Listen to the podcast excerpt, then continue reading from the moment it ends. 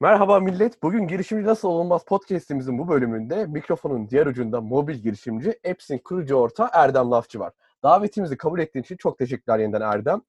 Biraz kısaca kendinden bahsedebilir misin? Selamlar herkese. Ben Erdem Lafçı. Ee, girişimciyim.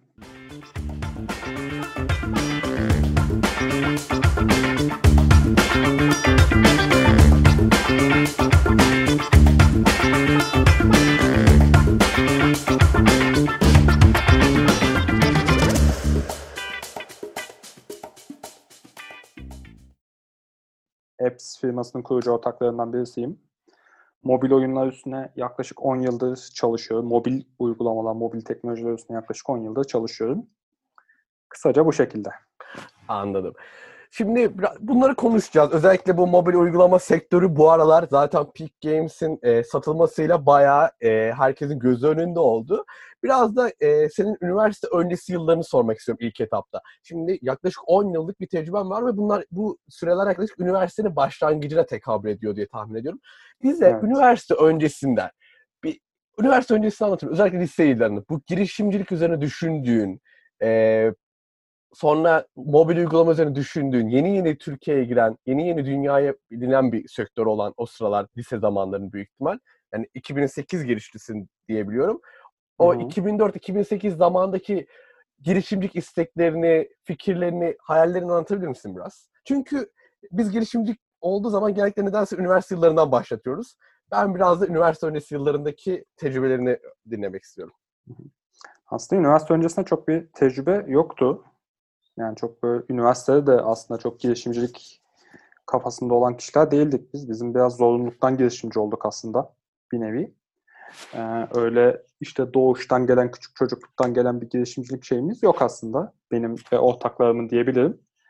Ee, daha çok bizim girişimci olma sebebimiz e, yaptığımız projelerin bir katma değerinin olduğunu görmemiz ve bunun piyasada bir karşılığının oldu, piyasada bir karşılığının olduğunu fark etmemiz sonucu oldu.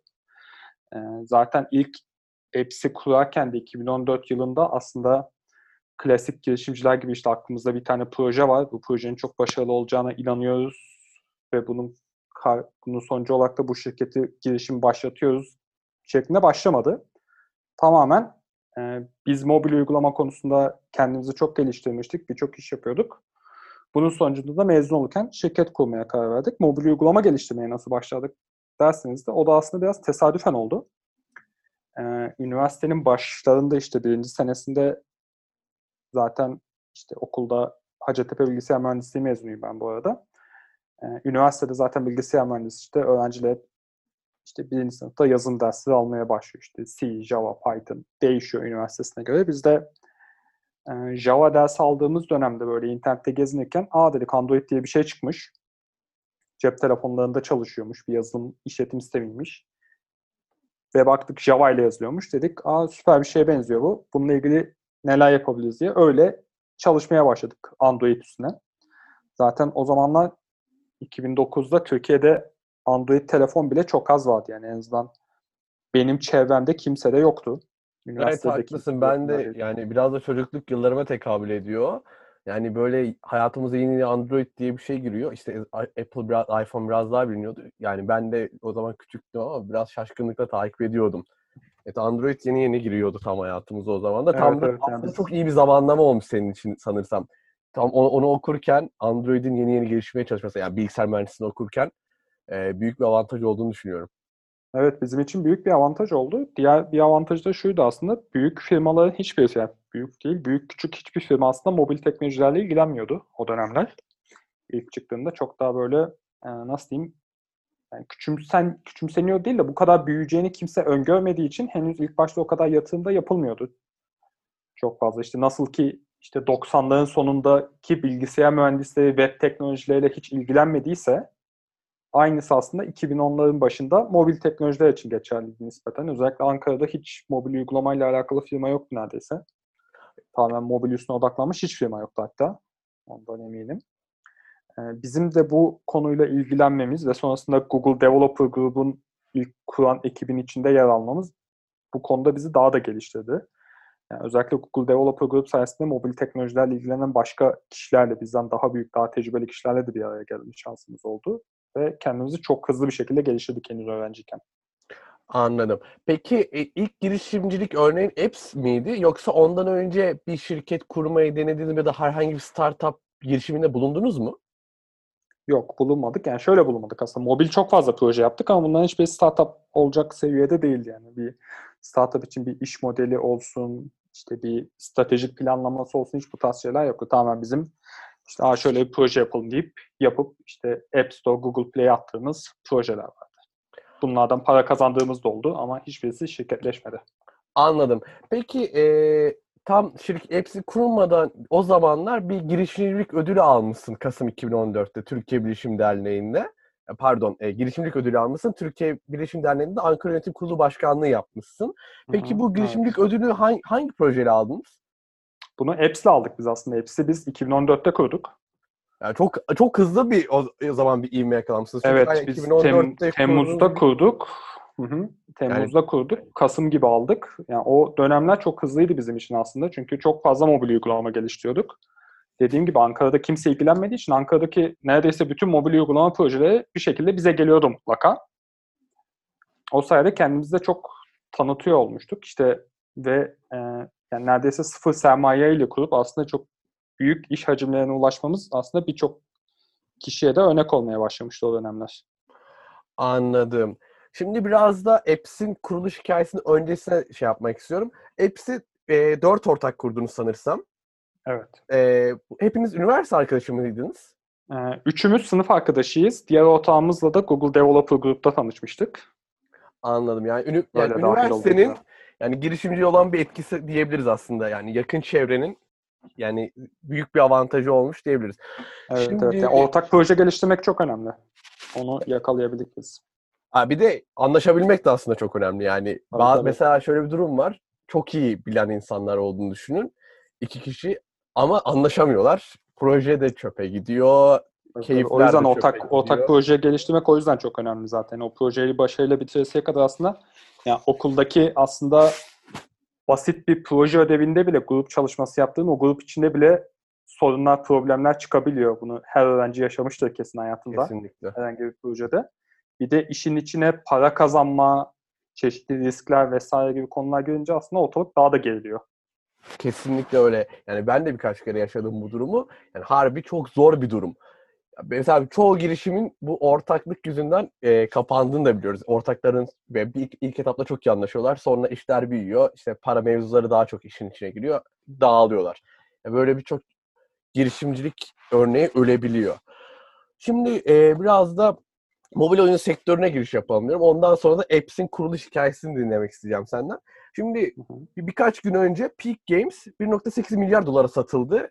Ee, Amerika me- me- merkezli oyun şirketi tarafından satın alındı. Şimdi baktığımız zaman ki iki gün önce de Türkiye'nin en değerli şirketleri açıklandı. Türk Hava Yolları'nın değeri yaklaşık olarak 2 milyar dolar.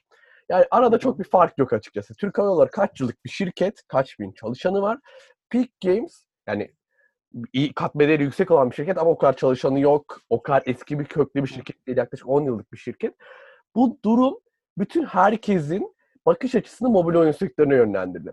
Özellikle e, yani bu işi bilen, bilip bilmeyen herkes ya mobil uygulama sektörü o 1.8 milyar dolar inanılmaz. Yani eskiden mesela WebBrowser yorumlarına baktığım zaman ya Peak Games ölü doğar. Bundan bir iş çıkmaz gibi yorumlar da varken ne, ne, ne büyük bir iş başardıklarını ve e, bütün odaklarını nasıl çektiğini gördük. Siz de bu sektördesiniz. Hı hı. E, siz de oyun yapıyorsunuz. Siz de son derece başarılı oyunlara sahipsiniz. Milyonlarca indirmeniz var. Peki bu oyunların e, yarattığınız şirket Apps'in kuruluş hikayesini bize sıfırdan anlatabilir misiniz? Ee, Apps'i kuruluş, kuruluş hikayesi şöyle aslında bunu birçok yerde de anlattım. Az önce bahsettiğim gibi biz Apps'i ilk kurarken işte bir girişimci olalım, kendi şirketimiz olsun şeklinde yola çıkmadık. Biz zaten mobil uygulama projeleri yapıyorduk sürekli. Ee, ve bunlardan para kazanıyorduk. Artık bir yerden sonra bu kazandığımız paraların bütçeleri artmaya başladı. Ve sonrasında da bir şirketleşme durumu ortaya çıkmak zorunda kaldı. Bunun en somut örneği tetikleyen şey ise bizim Hacettepe mobil uygulamasını yapmamız oldu. Biz bu uygulamayı son sınıftayken işte öylesine yapmıştık yani hiçbir beklentimiz olmadan işte böyle bir uygulama yapalım. ki işte CV'mizde güzel durur. İleride bize belki çeşitli fırsatlar açar şeklinde bu uygulamayı yapmaya başlamıştık. Uygulamayı yaptık, bitirdik. İnsanlar kullanmaya başladı. Sonrasında e, bunu o zamanki okul yönetimine gösterdik. Rektöre ve işte yardımcılarına falan. Sonra onlar satın almak istedi bu uygulamayı. Çünkü daha önce kendi iki kere yaptırmaya çalışmışlardı ama başarısı olmuş iki projede. Hatta bir tanesi Türkiye'nin çok büyük yazılım şirketlerinden bir tanesinin projesiydi. Baktı bizim uygulama çalışıyor. İşte insanlar da kullanıyor. Henüz çok az kişi kullanıyor diye belki 100-200 kişi ancak kullanıyordu ama bunun çalıştığını görünce satın almak istedi. E, okula satabilmek için de okuldan bir paranın çıkması için de okula bir fatura kesilmesi lazım. Biz bunları öğrendikten sonra dedik o zaman hadi şirket kuralım madem öyle. İşte işin bütün avantaj dezavantajlarını düşündük. Artısı eksisi ne gibi işler iyi giderse ne olur, işler kötü giderse ne olur. Tüm bunları hesapladık. Ee, en kötü senaryoyu düşündük. En kötü senaryoda biz sadece okula bu satışı yapabiliriz. Başka kimseye satamayız. Ve şirketi bir sene sonra kapatırız. En kötü senaryo buydu. En iyi senaryoda o zaman düşünebildiğimiz işte Türkiye'de 100 tane üniversite var. Şimdi bir tanesini satıyoruz. İşte bu sene 5-6 tanesine daha satsak o tamam zaten maaşlı kazanacağımızın çok daha fazlasını kazanıyor oluruz gibi bir düşünceydi. Düşüncemiz. O şekilde kurduk şirketi. Sonrasında en kötü senaryo olmadı. En iyi senaryo da olmadı. İşte batmadık da çıkmadık da ama iyi şekilde gitti şirket. İşte gittikçe büyümeye devam etti. Zaten şu an 6 sene oldu. 6 senedir biz aynı 4 arkadaş devam ediyoruz şirkette ortak olarak. Anladım. Yani Apps'in kuruluş hikayesi ilk önce bir e, uygulamayı satmakken artık çok daha büyük uygulama üretebilen bir firmaya dönüşmüş. Evet. Çok da güzel olmuş. Yani şans da olsun, tecrübeniz de olsun. Çok güzel şey olmuş. Peki Apps'te şu an neler yapıyorsunuz? Şu an e, gözlemlediğim kadarıyla biraz daha oyun tarzında, özellikle hatta bulmaca oyunları tarzında çalışıyorsunuz. Biraz da uygulamalarınızdan bahsedebilir misiniz? Tabii biz Apps'i ilk kurduğumuzda dediğim gibi ilk kuruluşumuz B2B mobil uygulamalardı. Yani bir firma geliyor, bir kurum geliyor bizden bir tane mobil uygulama istiyor. Diyor ki işte benim şu şu şu özelliklere sahip bir mobil uygulamaya ihtiyacım var. Biz de bakıyoruz, inceliyoruz. Tamam biz bu projeyi size şu kadar zamanda, şu kadar fiyata yaparız diyoruz. Anlaşıyoruz ve yapı, yapıp işi teslim ediyoruz. Paramızı alıyoruz. Bu, şek bu şekildeydi. Ee, ve esas uzmanlık alanımız da bu aslında bizim tamamen app geliştirmek yani o mobil uygulamayı en ince ayrıntısına kadar mimari açıdan tasarlayıp güzel bir şekilde yazılımını geliştirmek. E, oyun sektörüne çok uzaktık çünkü oyun çok daha zor bir şey aslında. E, bizim diğer taraftaki zorluklarımız nispeten daha teknik zorluklardı. İşte firmayla anlaşma kısmını falan geçiyorum. Orası onun kendi içinde bir zorluğu var zaten. İşi alma, işi bulma ama işi anlaştıktan sonra firmayla oradaki zorluğumuz tamamen mühendislik zorlukları. İşte bu uygulamanın daha hızlı çalışması, daha güvenli çalışması, daha küçük boyutta olması vesaire çeşitli işlere kafa patlatıyorsunuz. Ama oyun yaptığımızda ise kimse sizden gelip ben böyle bir oyun istiyorum demiyor. Ya da bunu insanlara da soramıyorsunuz. Çünkü oyun dediğimiz şey bir problemi çözmüyor. İnsanlara keyif veren, zevk veren, onların mutlu vakit geçirmelerini sağlayan bir şey olduğu için ne yapacağınızı bilmek çok zor bir şey. O yüzden oyun tarafına hiç bulaşmıyorduk. Ee, sonrasında bizim bir müşterimiz bizden mobil oyun istedi. İşte biz önce işte hayır yap işte oyunla ilgilenmiyoruz vesaire dedik. Sonra ama o birkaç kere daha gitti geldi. En son tamam yapalım dedik. Bir tane mobil oyun yaptık onlar için. Sonra baktık aa güzelmiş mobil oyun dedik ekip olarak. Sonrasında kendimiz bir tane oyun denedik. YouTube'da fenomen olmuş videoların bilgi yarışması oyunuydu. Viral Master adı da. O oyun hiç başarılı olmadı. Böyle çok geniş kitlelere ulaşamadı. Çok küçük bir kitlede kaldı. Yani o küçük kitle çok sevdi oyunu. Ama çok küçük bir kitleye hitap etti. Çok küçük kitleye hitap edince de bizim için hiçbir maddi getirisi olmadı aslında. Ee, sonrasında bir oyuna daha başladık. Bu da Evert oldu. Evert'ü yaptık. 2016'nın Kasım ayında ilk versiyonunu çıkarttık Android. Sonrasında 2017'nin Ocak ya da Şubat ayında da iOS versiyonunu çıkarttık. Sonrasında Evert çok başarılı oldu. 2017'nin tüm Türkiye'de en çok indirilen oyunu oldu. 2017 ve 2018'de Google ve Apple tarafından yılın en iyi oyunlarından birisi seçildi. Böyle olunca da biz oyuna karşı bakışımız değişti tabii ki doğal olarak. Çünkü hem maddi getirisi ve manevi götürüsünü düşününce diğer işe kıyasla biz oyun stüdyosu olmaya karar verdik sonrasında. Diğer bütün işlerimizi bıraktık. Ama tabii bu B2B iş yaparken ki işlerini ve operasyonunu bırakıp oyun stüdyosuna dönüşmek öyle bir gecede olmuyor. Bizim bir sene sürdü o dönüşümü tamamlayabilmemiz. Çünkü tamamen roller değişiyor, ekip içindeki sorumluluklar değişiyor, görev dağılımı değişiyor. İşte bunu adapte olabilmemiz bir senemizi aldı. Biz işte 2018'in başında demiştik tamam artık oyun stüdyosu olalım diye. 2019'un başında ancak böyle tam görev tanımları herkese net oturmuştu yani şirket bir bütünlük sağlayabilmişti. Sonrasında da şu an hala mobil oyun tarafına devam ediyoruz. Diğer işlerimizi bıraktık. Apps şu an tamamen mobil oyunlar geliştiren bir şirket. Anladım. Peki ben Android, Android e, Play Store'da baktığım zaman işte yorumlara ve puanlara 4.4 yaklaşık ortalamanız ve bu da çok yüksek bir puan. Çünkü Türkiye'deki e, yor, özellikle Türk Türk yorumculara baktığımız zaman herhangi bir şey beğenmediği zaman direkt bir puan mesela. Mesela sizin bulmaca oyununuz 300 bölüm olduğunu düşünelim. 300 bölüme kadar geliyor. 301. bölüm niye yok? 1 puan. Yani bazı şeyleri çok göz ardı edebilen bir yorum kitlemiz var. Aslında bu Türkiye'ye özel değil, tüm dünyaya özel bir şey. Yani sizin e, oylamalarınız ve puanlarınız da aşırı derecede iyi. 4.4 standartında dolaşıyor. Peki bu konudaki başarınızın sırrı nedir? Ee, şöyle aslında bizim puanımız aslında çok daha yüksekti. Biz neredeyse bir buçuk sene, iki seneye yakın belki 4.8 puan civarındaydık hem Android'de hem iOS'ta. Biz zannediyorduk ki puanımız ne kadar yüksekse o kadar iyi aslında. Ama böyle değilmiş olay. Sonrasında e, mentorluk aldığımız birisi, bu oyun sektöründen birisi mesela ilk görüşmemizde bize şunu demişti. Oyununuzun puanı çok yüksek. Fazla yüksek. İlk bir şaşırdık, afalladık nasıl yani yüksek olması iyi değil mi? Sonradan öğrendik ki yüksek olması iyi değilmiş aslında.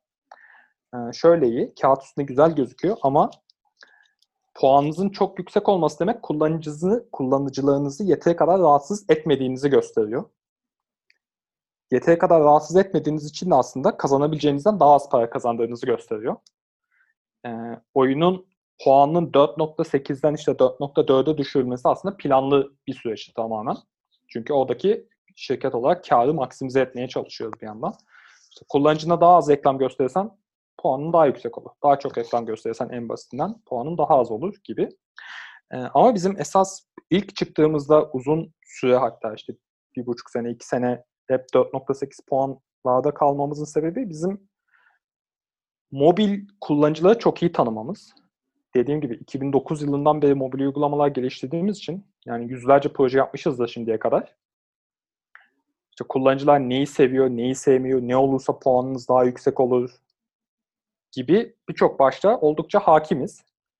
Bu konuda kendimize güveniyoruz oldukça. Ama sonradan bunun dediğim gibi aslında puanın her zaman yüksek olması özellikle oyun sektöründe çok da iyi bir şey değil. Çünkü e, yani 4.4 ile 4.8 arasında App Store'a ilk kez giren bir kullanıcı için hiçbir fark yok. Yani kullanıcı şey demiyor. Ya 4.4 olduğunu, ya bunun puanı 4.8 değilmiş ya da 4.6 değilmiş o yüzden indirmeyeyim demiyor aslında.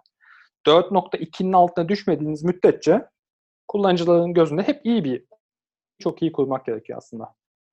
Peki biraz önce dediğiniz şey çok garibime gitti. Yani bunu ilk defa duymuştum. 4.8'den 4.4'e düşürme ya planlamanızda karınızı istediğiniz şekilde maksimize edebildiniz mi? Evet, ettik. Bu çok garip bir şey açıkçası. Ben çok şaşırdım. Yani çünkü ben bazen uygulama kullanıyorum. İşte herhangi bir uygulama. Sadece oyun değil. İşte bizi puanlayın. E, bizi şey yapın. 5 e, puan verirseniz işte şöyle avantajlar olacak. İşte gibi gibi şeyler görüyorum. Yani çok şaşırım, şaşırtıcı bir durum oldu açıkçası. Evet, o yani o şey görmezsin de 5 puan verirseniz size ödül veririz tarzı bir şey göremezsin de o çünkü polisiye aykırı App Store ve Google Play'de. Ee, ama hep puan verme konusunda teşvik ediliyor insanlar. Yani puanı yüksek tutmak güzel bir şey ama dediğim gibi çok yüksek tutmak da aslında senin masada para bıraktığını gösteren bir. Çok haklı bir e, sebep evet. Şimdi biraz da uygulamayı geliştirdikten sonraki tanıtım sürecinizi soracağım. Bir, hatta uygulamayı nasıl geliştirdiğinizi, herhangi bir uygulama, yani özellikle Evort e, kelime oyunundan gidelim. Ne kadar süre aldı? Sonra oyun firmasına tamamen dönüştüğünüz zaman bir uygulamaya geliştirmenin süresi kısalmıştır düşünüyorum. Ne kadar süre oldu? Sonra bu uygulamayı geliştirdikten sonra Nasıl bir tanıtım, nasıl bir reklam, nasıl tanıtıcı bir iş yapıyorsunuz onu sorayım sormak istiyorum. Ee, tamamdır. Everword'u biz libgdx ile geliştirmiştik. Bu open source bir tane oyun motoru. Java ile geliştirebiliyorsunuz. Ee, toplam geliştirmek ne kadar sürdü emin değilim. Birkaç ay sürmüştü. Çünkü biz Everword'u yaparken diğer savunma sanayindeki projelerimiz vesaire devam ediyordu. Bununla birlikte yani boş zamanlarımızda yaptığımız bir işti aslında Everword.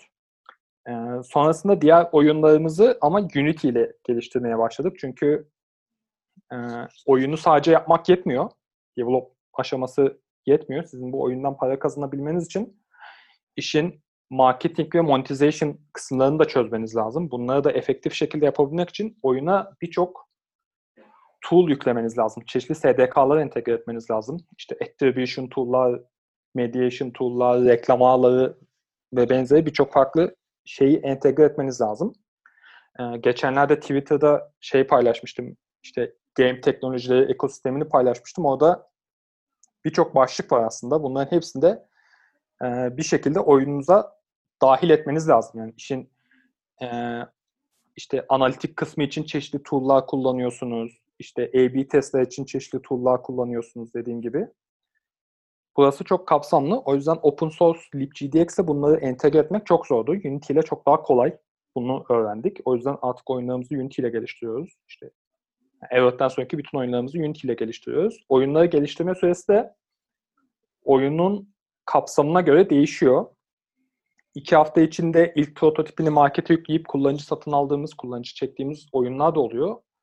4-5 ay süren oyunlar da oluyor geliştirilmesi. Mesela en son yaptığımız Dedektif and Puzzle oyunumuz yaklaşık 3 ay, 4 ay civarında sürdü o oyunu yapmak. Ee, ve oyunda başarılı oldu işte. Google Nisan ayında Nisan ayının en inovatif oyunlarından birisi seçti tüm dünyada. Tüm dünyada feature etti oyunu.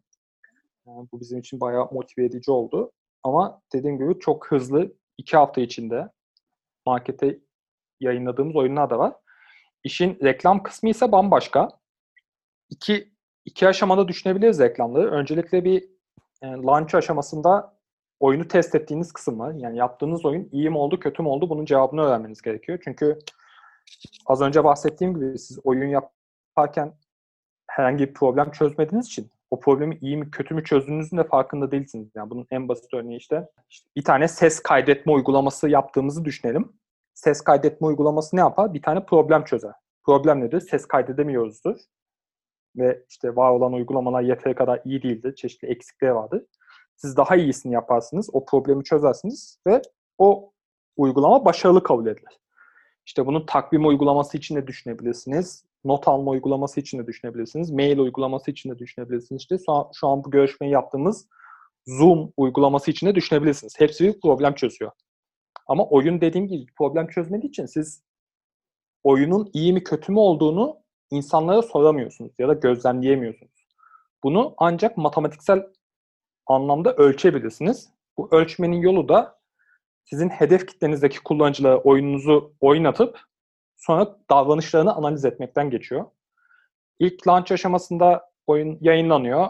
İşte birkaç yüz, belki birkaç bin kullanıcı satın alınıyor. Kullanıcı satın alınıyor derken aslında şu oyunun reklamı yapılıyor. Hedeflenen sayıda kullanıcı oyunu indirince de reklamlar kapatılıyor. Sonrasında bu kullanıcıların davranışlarına bakılıyor. İşte bir giren oyuna kaç dakika oyunda kalıyor? Oyunu kapat kapatasıya kadar. Session time uzunluğu nedir? Retention'ı nedir? İşte day one retention dediğimiz bugün oyunu yükleyenlerin yüzde kaçı yarın tekrar oyunu açıyor kendi isteğiyle. Ya da bir hafta sonra tekrar oyunu açıyor gibi veya e, CPI dediğimiz cost per install metriği var. Çok önemlidir. Biz bu oyunun reklamını yaptık. İşte 100 dolarlık reklam yaptık. Bu 100 dolarlık reklam karşılığında kaç kişi bizim oyunumuzu indirdi?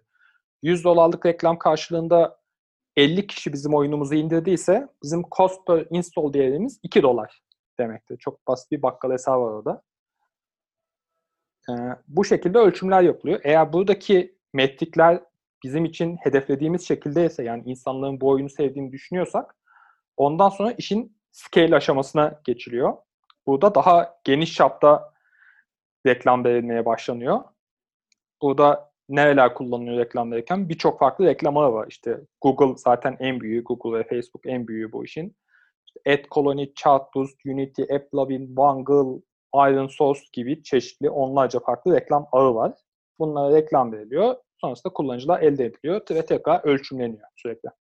Peki ilk e, aşama e, süreci ne, ne kadar sürüyor? İşte yaklaşık bin kullanıcı ulaştığınız zaman bu verilerin incelenmesi, değerlendirmesi kaç haftalık bir süreci kapsıyor? O 2-3 günlük en fazla. 2-3 günlük. Hı hı. Anladım. O bin kullanıcıyı alman da en fazla 2-3 gün sürüyor zaten. 2-3 gün içinde de verileri analiz yani toplayıp Evet. analiz etmeye başlıyorsunuz. Hı hı. Peki bu işi yapan e, kişiler, bu verileri analiz eden kişiler mühendis tabanlı kişiler mi? Yoksa daha farklı Ee, kişilerle mi çalışıyorsunuz? Veri analizi ya da işte insan davranışları üzerine daha çok farklı şekilde çalışan insanlar mı tercih ediliyor? Ya da siz nasıl tercih Ee, ediyorsunuz? mühendis tabanlı değil. Bizim ekibimiz daha mühendis tabanlı ama. Ee, özetle aslında şunu bilmesi gerekiyor. Bu işi analiz edecek kişilerin. işte temel matematik ve istatistik bilgisi çok önemli. Burada aslında veri analiz dediğimiz şey istatistik tamamen. Ve sonrasında yazılımı da bilmesi gerekiyor. İşte özellikle SQL bilmesi gerekiyor. Çünkü orada ciddi anlamda bir big data var. Oradan doğru sorgu parametrelerini yapıp anlamlı sonuçlar çıkartması lazım. Ama illaki işte şu kökenli kişiler olmak zorunda değil. Zaten bizim mesleğimiz de genel olarak öyle. İşte sadece Aynen öyle. bilgisayar mühendisleri iyi yazılım geliştirecek gibi bir nokta yok. Bilgisayar mühendisliği okumak sadece yazılımcı olacak kişilerin işini kolaylaştıran ve belli disipline sokan bir eğitim yöntemi. Ama hiç bilgisayar mühendisliği eğitimi almayıp da çok çok iyi yazılımcılar da var. Bu da aynı şekilde. Ama temel yetkinlik matematik ve istatistik. Kesinlikle. Anladım. Peki şimdi biraz da gelir konusuna soracağım. Sanırsam bir oyun firmasının ana geliri reklamlardan, e, verdiği, gösterdiği reklamlardan oluyor diye tahmin ediyorum. Bu tahminin doğru mu? Değil, tam olarak değil. Yani oyundan oyuna göre değişiyor. Mesela Peak Games'in oyunlarında hiç reklam yok. Peak O- Games'te onlar e, e, şey e, yine yine purchase'dan kazanıyor onlar. A- Ya aslında aynen. iki tip iki tip gelir var. Ee, reklam ve uygulama içi satışlar. Bir de ücretli olarak oyunu satabilirsin ama onun pazarı çok çok küçük. O yüzden onu saymıyoruz. Zaten Türkiye'de yapan çok az var. Dünyada da yapan çok az var. Yüzde birin altında yani ücretli oyun pazarının hacmi. Mobilde bu dediğim. Ee, ücretli oyunları saymazsak ücretsiz oyunlarda da iki tip gelir yöntemi var. İşte reklam ve uygulama içi satışlar. Bu her- herhangi bir oyun tamamen uygulama içi satışta yapabilir. İşte Clash of Clans buna bir örnek mesela. Clash of Clans'ta hiç reklam yok. Tamamen uygulama içindeki Evet. satışlardan para kazanıyor. Ama daha hyper casual oyunlara bakarsanız da tamamen e, reklamdan para kazanıyorlar. Çünkü oy- oyun o kadar basit ki satabileceği bir şey yok aslında karşılığında. Ama bu ikisini hibrit kullanan yapılar da var. Mesela bizim oyunlarımız daha çok bu yönde. Hem reklamdan hem de uygulama içi satışlardan para kazanıyoruz. anladım. Peki e, pay olarak hangisi daha yüksek? Ya daha kaza yani şimdi tabii uygulamadan uygulamaya değişiyor ama hibrit olarak kullandığınız zaman yani şeyin payı daha yüksek diyebiliyor musunuz uygulama içi satışın? Bizim oyunlarımız özelinde reklamın payı daha yüksek. Yani yaklaşık %80 civarı geliri reklamdan elde ediliyor bizde. %20'lik kısmı e, yine purchase'lardan elde ediliyor ama bu çok değişken. Yani oyundan oyuna, şirketten şirkete, stratejiye göre çok değişir. Evet. Şimdi farklı bir bakış açısıyla bir soru soracağım. Özellikle bu pandemi dolayısıyla işler karıştı. Ee, insanlar daha çok eve kapandı. İşte daha çok telefon kullandı, bilgisayar kullanmaya başladı. Koronavirüsün size olan ya size olan ve sizin sektörünüze olan etkisinden konuşmak istiyorum biraz. Sizi olumlu etkilediler mi? Ee, bizi kısmen olumlu etkiledi. Çünkü insanlar eve kapanınca daha çok boş vakitleri var. Yani aslında oyun sektörü dediğimiz şey biz insanların boş vakitlerinden pay almaya çalışan şirketleriz. İşte bizim rakibimiz kim? Instagram bizim rakibimiz aslında. Netflix bizim rakibimiz aslında. Çünkü hepimiz o boş yani temel yaptığımız şeyler haricindeki boş kalan vakitten pay almaya çalışıyor bu saydığım firmaların hepsi. Ee, bu pandemi sebebiyle de bu boş vakitin, bu boş vaktin miktarı arttığı için günlük fazla aslında daha çok pay alabiliyoruz. Aslında en temel açıklaması bu şekilde. Ee, oyun sektörünün ne olumlu yansıdı kısa vadeli de olsa e, bu az önce bahsettiğim sebepten dolayı oyuncu sayıları, trafikler ciddi anlamda arttı. Yaklaşık %30'lara varan seviyelerde bir artış oldu. organik downloadlarda. E, ancak gelirler bu yönde artmadı tabii ki. Çünkü küresel bir ekonomik kriz olduğu için reklam veren sayısı azaldığından dolayı e, reklamdan elde edilen kazançlar da azalmaya başladı. Çünkü reklam sistemi aslında bir açık arttırma usulü çalıştığı için ne kadar çok reklam vermek isteyen olursa o kadar fiyat yükseliyor. Ve reklamı gösteren firmalar, yani burada biz oluyoruz, daha çok para kazanıyoruz. Ama bu küresel krizden dolayı reklam veren sayısı azaldığı için gelirler aynı oranda artmadı. Aynı şekilde in-app purchase tarafında da e, artmış olmasına rağmen gelirler ama yüzdeye vurduğumuzda kullanıcı sayısına oranladığımızda aslında azalmış durumda. Çünkü e, insanlar bir kriz olduğu için daha az para harcıyor doğal olarak. Daha belirsizlik ortamı olduğu için parayı elinde tutmayı tercih ediyor. Anladım. Peki biraz da diğer gelecek girişimcilik planlarınız ve hali hazırda yaptıklarınız Barakatek ve Momo Ankara hakkında konuşmak istiyorum. Barakatek'te e, nasıl bir e, çözüm üretiyorsunuz e, firmalara? Yani bir o öyle bir ekosistem var. Momo Ankara'dan da e, hala devam etmiyor şu an tabii doğal pandemi dolayısıyla. Onda işte pazartesi günleri yani onun aklındaki onun hakkındaki planlarınız nedir Momo Ankara hakkında pandemi sonrasında? Tamam. Önce Baraka Tek'ten bahsedeyim. Baraka'yı biz 2018 yılında kurduk. Ee, dediğim gibi bu apps oyun firmasına dönüştüğü dönüşürken diğer işlerini bırakıp e, bu süreçte aslında bize önceden yaptığımız tarzda işler gelmeye devam ediyordu çok fazla sayıda. Ee, biz de bunları reddediyorduk ama bir yerden sonra dedik ya biz bunları niye reddediyoruz? Ayrı bir şirket kuralım bunun için. O şirket bu işleri yapmaya devam etsin dedik. O şekilde kuruldu aslında. Ee, Baraka'nın bizim Apps'in kurucusu olan 4 kişiden hariç başka ortakları da var. Onlar execution'da daha çok yer alıyorlar. Operasyonu onlar yürütüyor genelde. Biz daha destek oluyoruz onlara Baraka'da. Ee, Baraka özelinde bir yazılım şirketi. Daha çok blockchain ve finansal teknolojiler üstüne odaklanmış ve şu son dönemde de Super App platformu üstüne odaklanmış bir şirket. Ee, bu şekilde ilerliyor Baraka. Momo Ankara'ya gelirsek de onu da sormuştun. Momo Ankara e, Mobile Monday aslında. Mobile Monday Ankara. E, bayağı da yapmıyoruz biz. Yani neredeyse bir buçuk sene, iki sene olmuştur belki Mobile Monday'i yapmayalı, yapmayı bırakalı. Onun da sebebi şu. Mobile Monday'de biz şunu yapıyorduk işte. Her ayın ilk pazartesi akşamı ODTÜ Teknokent'te veya Bilkent Cyberpark'ta buluşup işte mobil üstüne konuşuyorduk. İşte daha çok network'ün çok ağırlıklı olduğu işte pizzalarımızı söylüyorduk orada. Herkes geliyordu. Her etkinliğe en az 40-50 kişi geliyordu zaten. Mobil teknolojilerle alakalı. 40-50 kişi önce muhabbet ediyorduk. Pizzalarımızı yiyorduk. Sonrasında da e, o günün konuşmacısı kimse yine mobil teknolojilerle alakalı çıkıp onu anlatıyordu. Sonrasında soru cevap oluyordu. Tekrar bir muhabbet ve kapanış şeklinde ilerliyordu etkinlik. Oldukça güzeldi. Ee, şundan dolayı bıraktık Mobile Monday yapmayı. Bir yerden sonra etkinlik kendisi tekrar etmeye başladı.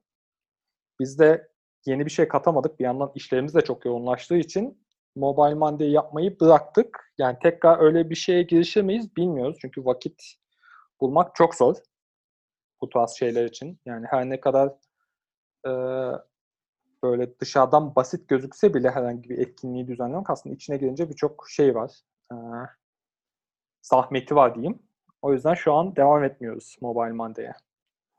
Anladım yani. Aslında çok güzel bir fikirmiş ama yani belli bir süreden sonra cidden yani organizasyon yapmak çok zor hale geliyor. İşte evet, çok fazla evet. Bir de bir yerden sonra farklılaştırman gerekiyor. Onu yapmak da zor. Yani geri dönükleri sıkıntı oluyor. Parametreler dediğin gibi işte farklılaştırman gerekiyor gibi birçok problem ortaya çıkıyor. Belli bir süre sonra artık e, kapanıyor gidiyor diye yani öyle tarz bir şey oluyor. Şimdi benim aklımdaki diğer bir soru aslında çoğu kişinin yani bu şu podcast dinleyecek herkesin şu ana kadar aklına gelmiş bir sorudur büyük ihtimal.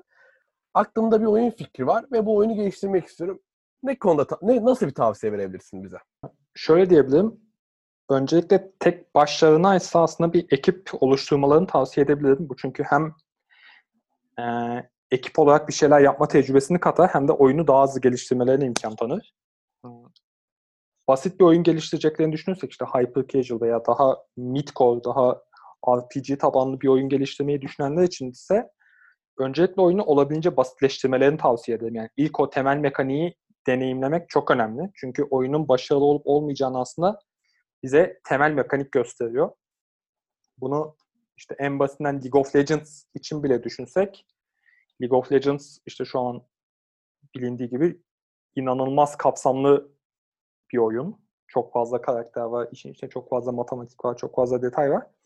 Ama burada kullanıcıların en çok hoşuna giden şey aslında o karakterlerimizi nasıl hareket ettirdiğimiz, karşımızdaki düşmanla nasıl savaştığımız ve e, bunu yaparken işte ne gibi özellikler, ne gibi kontroller kullandığımız. Yani bunu aslında çok daha basit bir şekilde belki çöp adamlarla bile yapabilsek aslında benzer bir başarıyı, benzer başarı derken şöyle başarı metriklerini yakalayabiliriz ve fikrimizi doğrulayabiliriz. Evet bu cidden insanlar bu oyundan hoşlanabilir görmek gerekiyor. Yani şunu yapmalarını çok tavsiye etmem. İşte 6 ay, 1 sene boyunca bir oyuna odaklanıp sonrasında onu bitirip, yayınlayıp ve sonrasında hiç kimsenin bu oyunu beğenmediğiyle karşılaşmak biraz motivasyon düşürücü olabiliyor. O yüzden oyunu olabildiğince böyle birkaç ay içerisinde bitirebilecek kadar basitleştirmeye çalışsınlar. Ve bunu ekip olarak yapabilirlerse işte ben oyun fikrini bulan kişi olarak yazılımcıysam işte yanıma tasarımcı bir arkadaşım bulursam daha hızlı ilerlerim. Çünkü e, işte ben oturup tasarımını mı yapacağım, kodunu mu yazacağım, testini mi yapacağım vesaire, game design kısmına mı çalışacağım, level design'ını mı yapacağım. Bunların hepsinin işin içinden çok zor tek başına çıkmak. O yüzden dediğim gibi ekip oluşturup oyunda olabildiğince basit hale getirip test ederlerse ve bu testi yaparken de işte test yaptık başarılı olup olmadığını nasıl anlayacağız diyebilirler doğal olarak. Bunun için de aslında e, işte Google'da aratarak aslında zaten yaptığımız her şeyi internetten öğreniyoruz. Yani bu işin ve mühendislikteki birçok konudaki her şeyde olduğu gibi işin püf noktası kendi kendine öğrenebilmek. Google'da Mobile Game Success Metrics diye aratırlarsa zaten işte oyunun başarılı sayılabilmesi için, umut vaat, et, umut vaat etmesi için işte session time'larının nasıl olması, işte retention'larının, CPI'larının nasıl olması gerektiğini çok daha detaylı şekilde görebilirler. Tavsiyem bu yönde olur. Özet geçmek gerekirse ekip kurup oyunu basitleştirip hızlıca teste çıkmak. Anladım. Çok teşekkürler. Peki genel olarak sadece oyun fikri olarak değil de genel olarak bir girişimcilik yapmak isteyen öğrenciler ya da insanlar için bir fikrin var mı? Yani bir tavsiyen var mı daha doğrusu? Şöyle yani denemelerini tavsiye ederim kesinlikle. Ee, ama buradaki riskleri ve potansiyel fırsatları çok iyi gözlemlemeleri lazım. Aslında girişimcilik dediğimiz olay e, doğru strateji kurup bunu doğru şekilde execute etmek yani hayata geçirmek, gerçekleştirmek. Buradaki alınan kararlar çok kritik. Bunlara özellikle dikkat etmeleri önemli. Yani aslında bir satranç oyunu gibi sadece bir hamle sonrasında değil de bunun 5, 6, 7, 8 hamle sonrasında düşünüp hareket etmek gerekiyor ve esas yıpratıcı olan konu bu. Ee, burada da aslında aynı şeyler geçerli. Yine bir projeniz varsa, bir fikriniz varsa bunu olabildiğince en basit hale getirip işte MVP kavramı nedir? business canvas model nedir? Bunları araştırıp öğrenip o metodolojilerle ilerlerlerse çok daha başarılı olma ihtimallerini arttırırlar. Yani şansa bırakma oranı düşmüş olur olabildiğince. Bu işte zaten tek bir doğru yok asla. Yani işte şunu şunu şunu yaparsanız kesin başarılı olursunuz. Bunu bunu yaparsanız kesin batarsınız gibi bir şey yok. Sadece uygulanmış ve başarı ihtimalini arttırdığı saptanmış çeşitli yöntemler var bu yöntemleri kullanırsan senin de başarılı olma ihtimalin artar gibi tavsiyeler verebiliyoruz. Biz de bu tavsiyelere uyuyoruz hepimiz zaten ama birisi çıkıp yok ben kendi bildiğimi yaparım tamamen deyip de çok başarılı olabilir ama batabilir de. Tabi burada şeyle dikkat etmek lazım. Biz genelde hep başarılı olanları gördüğümüz için her deneyen başarılı olacak zannediyoruz. O algıya da düşmemek lazım. Anladım. Çok güzel tavsiyeler. Peki son olarak e, yayını yani podcast'i bitirmeden önce eklemek istediğin var mı? eklemek istediğim e, şöyle, yani özellikle üniversite öğrencilerine hitap ettiğini düşünüyorum bu podcast'in. İşte sınıf, okul arkadaşlarınıza, sınıf arkadaşlarınıza. Yani üniversite yılları çok kıymetli. Bizim girişimci olmamızdaki en büyük sebep aslında üniversitedeki yıllarımızı boşa geçirmememiz. Ben işte şu an toplamda 20 kişinin üstünde bir ekibimiz var. İşte hem Apps'te hem Baraka'da 25 kişiye yakınız şu an. Ee, işte sık sık işe alımlar yapıyorum. İşte şimdi yeni bir pozisyonumuz var hatta. Son bir haftadır her gün mülakata giriyorum. Günde 4-5 kişiyle en az. Ee, ve şuna çok dikkat ediyorum. Gelen aday, bunu illa iş başvurusu değil, işte girişimci olarak da düşünmek lazım. Ee, boş zamanlarında neler yapmış? Bu çok kıymetli bir şey. Ee, yani zorunda kalmadan yaptıklarınız çok önemli. Sizi siz yapan şeyler. Eğer işte birisi sizi zorladığı için onu yapıp başarılı olduysanız bu kıymetli ama o kadar da önemli değil. Bunu işte en basiti okul örneği yani okuldaki lab derslerinden ya da derslerden yüksek notla geçmek güzel bir şey. Takdir edilir ama sadece tek başına hiçbir işe yaramaz. Mesela biz şuna daha çok bakıyoruz. Tamam derslerini geçmişsin süper. Peki bu derslerin haricinde neler yaptın? İşte 4 sene boyunca hafta sonları oturup 10 saat dizi izleyip 5 saat oyun mu oynadın? Yoksa arada kimse seni zorlamadan farklı projeler de mi gerçekleştirdin? Bu çok kritik bir şey. Biz öğrenciliğimizde hep bunları yaptık. Ben üniversite 2. sınıftayken başka üniversitede Android eğitim vermeye gidiyordum ve kimse beni zorlamıyordu. Bunu yapmaktan mutlu olduğum için ve bunu bu konuda kendimi geliştirme tutkusunda olduğum için bunları yapıyordum ve şimdilerde bunun faydasını çok fazla görüyorum. O yüzden e, zorunda kalmadığınız durumlarda neler yaptığınız çok önemli ve bu CV'nizde çok fark yaratan bir şey. Buna özellikle dikkat edin. Yani hem CV'nizde hem de girişimci olacaksınız da girişimcilik kariyerinizde. Bu önemli bir şey. Onun dışında da denemekten çekinmesinler. Yani dediğim gibi riskleri iyi hesaplayıp biz şirketi kurarken işte en kötü senaryoda şirketi bir sene sonra kapatırız diye düşünüyorduk. Bir sene sonra kapatırsak ne olur? Okulu bir sene uzatmış gibi olur. Tamam dedik bu göze alabileceğimiz bir şey dedik. O şekilde kurduk. Yani tüm kötü senaryoları da düşünmek lazım burada. Etkileyebilecekleri bu kadar. Yani başarılar dilerim herkese. Hem okul hem iş hayatlarında. Ee, yani yayınımıza katıldığın için ve tecrübelerini aktardığın için çok çok teşekkür ederiz. Ee, umarım bir gün koronavirüs pandemisinden sonra seni okulda da davet etmek isteriz bir söyleşi tarzında. Yayınımıza Olur, katıldığın için çok teşekkür ederim yeniden. Ofise beklerim ben de. Şu şeyler geçtikten sonra henüz biz de ofise gitmiyoruz ama ilerleyen aylarda durumu tekrar değerlendireceğiz. Ben de teşekkür ederim davet ettiğiniz için. Görüşmek üzere.